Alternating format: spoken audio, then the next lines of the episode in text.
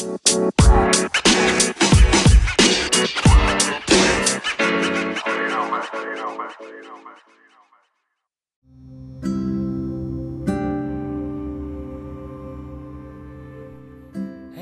masih di Berbagi Inspirasi.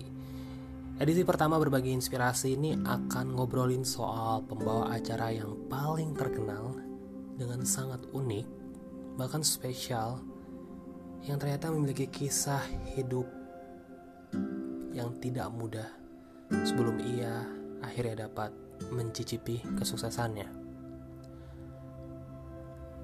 Siapa yang gak kenal dengan Oprah Winfrey? Oprah Winfrey lahir di Kosciuszko, Mississippi di tanggal 29 Januari tahun 1954. Masa kecil Oprah tidak dibilang bahagia. Bahkan bisa dibilang penuh dengan penderitaan. Ayah dan ibunya nggak pernah menikah dan Oprah sejak kecil harus diasuh oleh neneknya. Bahkan saat ibunya mendapat pekerjaan dan harus pindah ke suatu kota, Oprah yang saat itu berusia 6 tahun harus mengikut ibunya. Dan di situlah masa kecil Oprah menjadi sangat buruk. Di usianya yang ke-9 tahun, dia baru mendapatkan suatu hal yang cukup mencengangkan. Pelecehan seksual dari teman-teman laki-laki ibunya yang silih berganti datang ke rumahnya. Bahkan dia mendapatkan pelecehan seksual dari sepupunya sendiri. Pengalaman ini membuat Oprah hancur dan merasa nggak punya harga diri sama sekali. Hasilnya, Oprah justru makin terjerumus ke dunia hitam. Dia suka mabuk-mabukan, menggunakan obat terlarang, dan bahkan melakukan pergaulan yang terlalu bebas. Gak hanya kisah-kisah itu, ternyata di usianya yang ke-14 tahun, Oprah hamil dan melahirkan seorang bayi perempuan. Bayi ini meninggal gak lama setelah dilahirkan. Dan setelah kejadian ini, kejadian yang paling pahit ini bagi Oprah, Oprah kemudian dikirim ibunya untuk tinggal bersama ayahnya. Pada saat itu ayah Oprah sudah menikah dan Oprah harus tinggal bersama dengan seorang ibu tiri. Ayah Oprah sangat tegas dan disiplin. Begitu juga dengan ibu tirinya. Mereka berdua sangat keras mendidik Oprah, bahkan membuat aturan-aturan yang tegas yang tidak boleh dilanggar.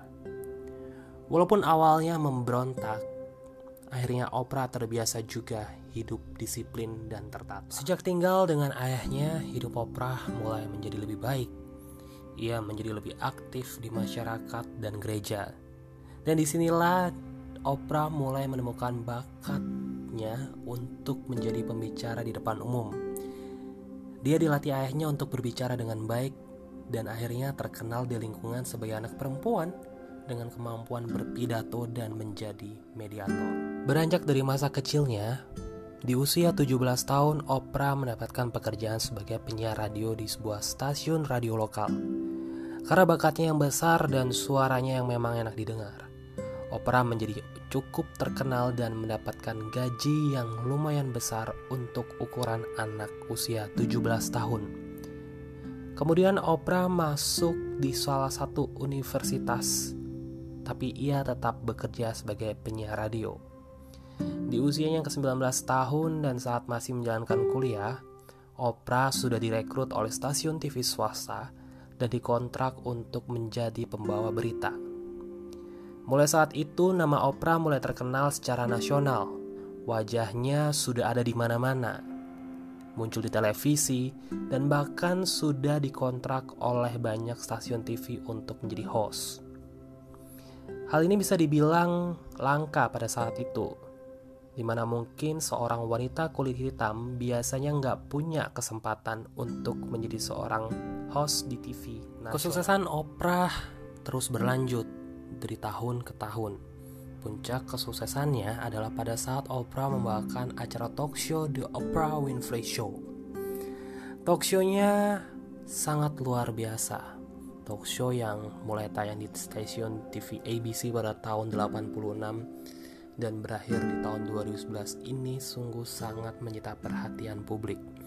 Selama 25 tahun acara ini menjadi acara yang sangat fenomenal di mana hampir semua tokoh penting di dunia pernah diwawancara oleh Oprah di acaranya tersebut. Dengan kesuksesannya menjadi host di berbagai acara terutama di The Oprah Winfrey Show, pundi-pundi kekayaan Oprah terus bertambah dari tahun ke tahun. Pada tahun 2003, Oprah menjadi wanita berkulit hitam pertama yang masuk dalam daftar miliarder di Amerika Serikat. Prestasi ini tentu menjadi hal yang luar biasa. Ya memang, karena biasanya orang kulit hitam, apalagi seorang wanita, nggak pernah masuk dalam daftar orang terkaya di Sampai dengan tahun 2019, harta kekayaan Oprah Winfrey mencapai angka 2,6 miliar USD atau sekitar 14,5 triliun rupiah. Jumlah kekayaan yang luar biasa besar ini nggak semata-mata membuat Oprah hidup bermewah-mewahan. Dia tetap terkenal sebagai pribadi yang sederhana dan memiliki kepribadian yang ramah kepada hampir setiap orang. Kekayaan Oprah ini dia juga salurkan ke banyak organisasi. Oprah memiliki hobi berdonasi dalam jumlah yang besar termasuk pada Februari 2018 saat terjadi penembakan massal di Florida di mana 17 orang tewas. Oprah menyumbangkan hartanya sebanyak 500 ribu USD atau sekitar 7,2 miliar rupiah untuk korban penembakan tersebut. Gak hanya itu, Oprah juga membangun beberapa lembaga yang memiliki dampak untuk orang-orang di sekitarnya Salah satunya adalah Opera Angel Network, sebuah yayasan yang bertujuan untuk membantu meningkatkan kehidupan orang yang kurang beruntung. Hmm, gak heran ya, Oprah menjadi salah satu sosok perempuan paling berpengaruh di oh, dunia. Iya. Setiap bulan selama 14 tahun terakhir, Oprah Winfrey telah menulis kolom yang wajib dibaca dengan judul What I Know For Sure di OD Oprah Magazine. Dan sekarang untuk pertama kalinya kolom itu sudah direvisi, diperbarui dan dikumpulkan dalam sebuah buku yang dalam bahasa Indonesia diartikan sebagai yang aku tahu dengan pasti. Buku ini penuh dengan wawasan dan pengungkapan diri dari seorang Oprah Winfrey. Aku pribadi yang sudah membaca buku ini jujur merasa tergugah dan membangkitkan semangatku untuk terus maju Buku ini disusun berdasarkan tema kegembiraan, kelenturan, keterhubungan, syukur, kemungkinan, takjub, kejelasan, dan daya. Menariknya, tulisan-tulisan di buku ini menawarkan pandangan yang kuat dan sangat langka dari salah satu wanita paling luar biasa di dunia. Ada hal menarik yang sempat dan selalu aku ingat kalau misalnya ngomongin soal buku Oprah ada satu kalimat yang tertulis seperti ini. Yang aku tahu dengan pasti, perjalanan Anda dimulai dengan memilih untuk bangkit, melangkah, dan hidup. Kisah Oprah Winfrey ini sungguh sangat luar biasa. Bagaimana Oprah bisa bangkit dari masa kelamnya, bahkan berani melangkah maju untuk menyongsong masa depannya. Keberaniannya ini aku rasa sangat luar biasa di mana Oprah mampu menanggalkan omongan-omongan orang terhadap dirinya. Bahkan mungkin mampu memaafkan dirinya sendiri dan melupakan masa lalunya. Wow. Bersyukur Oprah memiliki respon yang benar saat ia bersama ayahnya. Menurut kalian bagaimana? Apa yang kalian dapatkan